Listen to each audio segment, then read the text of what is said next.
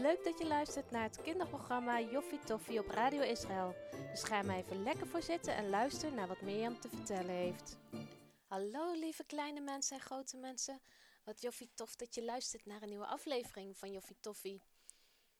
Ik heb deze afgelopen weken al heel veel over het Pesachfeest verteld. En ook heel veel hoe het Pesachfeest, hoe de Israëlieten het vroeger vierden, eigenlijk ook te maken heeft met uh, Yeshua, met onze Messias. En uh, we weten dat Yeshua is gestorven tijdens het Pesachfeest in Jeruzalem. Maar we weten ook dat hij tijdens het feest is opgestaan. En daar ga ik een klein stukje over lezen uit de Bijbel. In Matthäus 28, vers 5 en 6 staat: De engel richtte zich tot de vrouwen en zei: Wees niet bang. Ik weet dat jullie Jezus, de gekruisigde, zoeken. Maar hij is niet hier, hij is immers opgestaan, zoals hij gezegd heeft. Kijk maar, dat is de plaats waar hij gelegen heeft. Speciaal, hè? Jezus is opgestaan uit de dood. Hij heeft vrijwillig zijn leven afgelegd, maar daarna heeft hij de dood overwonnen en is hij weer levend geworden. En daar ongelooflijk blij van. En dat is onze hoop. Want er staat ook ergens anders in de Bijbel: dezelfde kracht die Jezus opgewekt heeft uit de doden, die mag ook in ons zijn. Die avond ligt Gerson op zijn matje te slapen. Hij hoort de vertrouwde geluiden om zich heen. Papa en mama die zachtjes met elkaar praten. Teresa die zachtjes een liedje neuriet. En Caleb, die ligt te snurken alsof hij een boom aan het omzagen is. Gerson geeft Caleb een duw. Het snurken stopt gelukkig. Gerson denkt aan vanmiddag. Hij voelt zich onrustig. Eerst heeft hij ondeugende streken uitgehaald met Paki, maar daarna heeft hij ook nog gelogen tegen die vrouw met de kruik.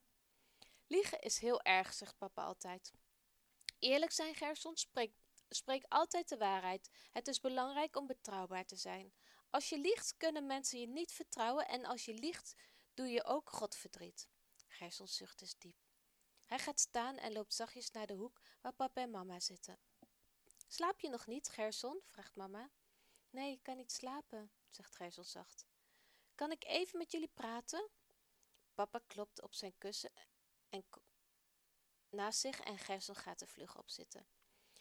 Hij begint alles van die middag te vertellen. Als hij vertelt dat hij gelogen heeft, springen er tranen in zijn ogen. U zegt altijd dat ik nooit moet liegen, maar het ging echt zo snel. Voordat ik maar een seconde over nadacht, waren de woorden al uit mijn mond gekomen. Papa kijkt teleurgesteld. Maar hij zegt rustig: Gerson, ik ben heel blij dat je dit tegen ons vertelt. Natuurlijk vind ik het ook erg dat je gelogen hebt en dat je de tentpinnen los hebt gemaakt. Je weet zelf hoeveel werk het is om een tent goed stevig op te zetten. Je bezorgt de mensen extra werk op deze manier. Gerson zucht. U heeft gelijk, papa. Ik dacht alleen maar aan het plezier dat we konden hebben. Als Gerson even later weer in zijn bed ligt, voelt hij zich ouw opgelucht. Het was goed om eerlijk tegen papa en mama te zijn. De rest van de week moet Gerson de hele dag in de buurt van de tent blijven. Hij krijgt van papa en papa allemaal klusjes om te doen. Vlak bij de tent is een van de twaalf waterbronnen. Daar moet hij waterzakken uh, bijvullen elke dag. Als Paki komt vragen of hij weer meegaat, schudt Gerson zijn hoofd. Volgende week kan ik weer met je mee, Paki. Het is mijn eigen schuld. Ik heb straf omdat ik een paar dagen geleden met jou tentpinnen heb losgetrokken. Paki schudt zijn hoofd. Ik snap niet dat je dat tegen je vader en moeder hebt gezegd. Het was gewoon een leugentje om bestwil. Ressel gaat voor Paki staan en kijkt zijn vriend aan. Paki, je bent mijn allerbeste vriend en ik heb altijd veel plezier met jou. Maar ik heb nagedacht. We zijn pas geleden uit Egypte weggegaan en dat was echt een groot wonder van God. Daarna gingen we door de zee. Onze voeten zijn niet eens nat geworden. Even later zijn alle soldaten van Egypte verdronken. Weer een paar dagen later heeft God voor ons bitter water veranderd in zoet water. Ik wil deze machtige God dienen met heel mijn hart en daar past geen klein leugentje bij. Mijn vader heeft wel eens gezegd dat het voor God niet uitmaakt of je kleine zonde of grote zonde doet. Een zonde is een zonde. Ik wil naar hem luisteren en doen wat hij zegt.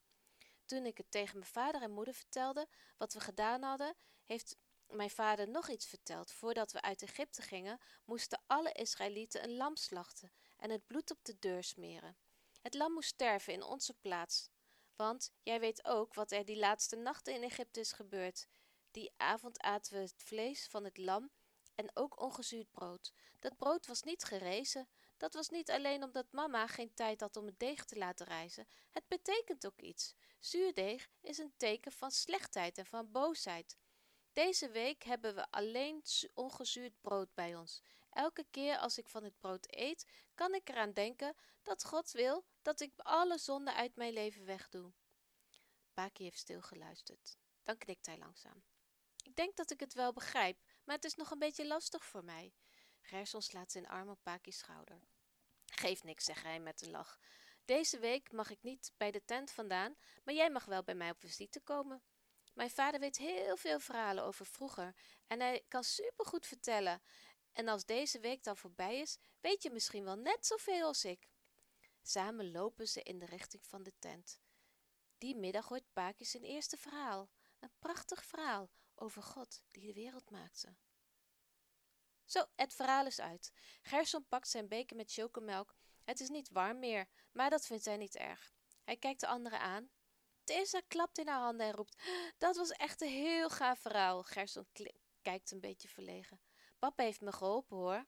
Dat was me alleen nooit gelukt, zegt hij. Mama lacht. Twee schrijvers in de familie, echt leuk. Misschien kan Caleb er een paar mooie tekeningen bij maken.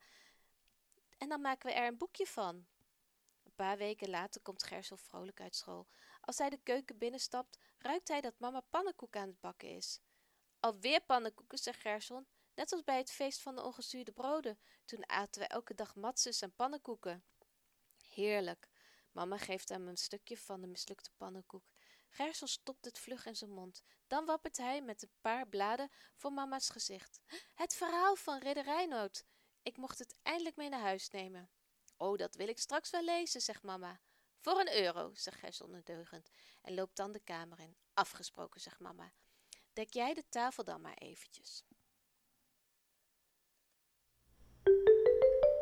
Nou, dat had Gersel mooi geschreven, hè, dat verhaal. Knap hoor. Mooi is dat, hè? Om zo'n verhaal zelf te herschrijven, zodat je helemaal kan inleven in hoe het misschien wel geweest zou zijn. Ik vind het altijd heel fijn om te doen en om te lezen. Nou, dit was het weer voor vandaag. Dat was een mooi verhaal, hè?